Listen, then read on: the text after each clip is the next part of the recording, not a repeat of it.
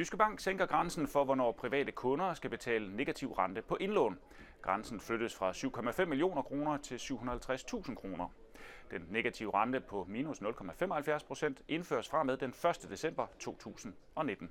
Og velkommen til dig, Anders Dam.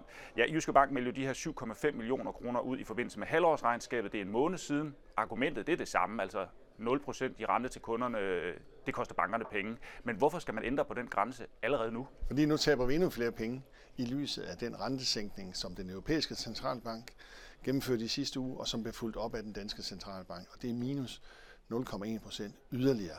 Og det koster altså mange penge, og det er vi nødt til at sende en del af den regning videre til vores kunder. Det er dog et ret markant hop, må man sige, altså fra 7,5 millioner kroner til 750.000 kroner. Hvorfor skal det være så stort? Jamen det er fordi, vi bliver nødt til at lade et større indlånsbeløb omfatte det her, for at få en delvis kompensation for den udgift, det påføres. Så vil der helt sikkert sidde nogen og tænke, hvad bliver det næste? Altså nu, nu kommer vi fra 7,5 til 750.000 kroner. Øh, hvor langt kan vi komme ned? Det tør jeg ikke at sige for nærværende.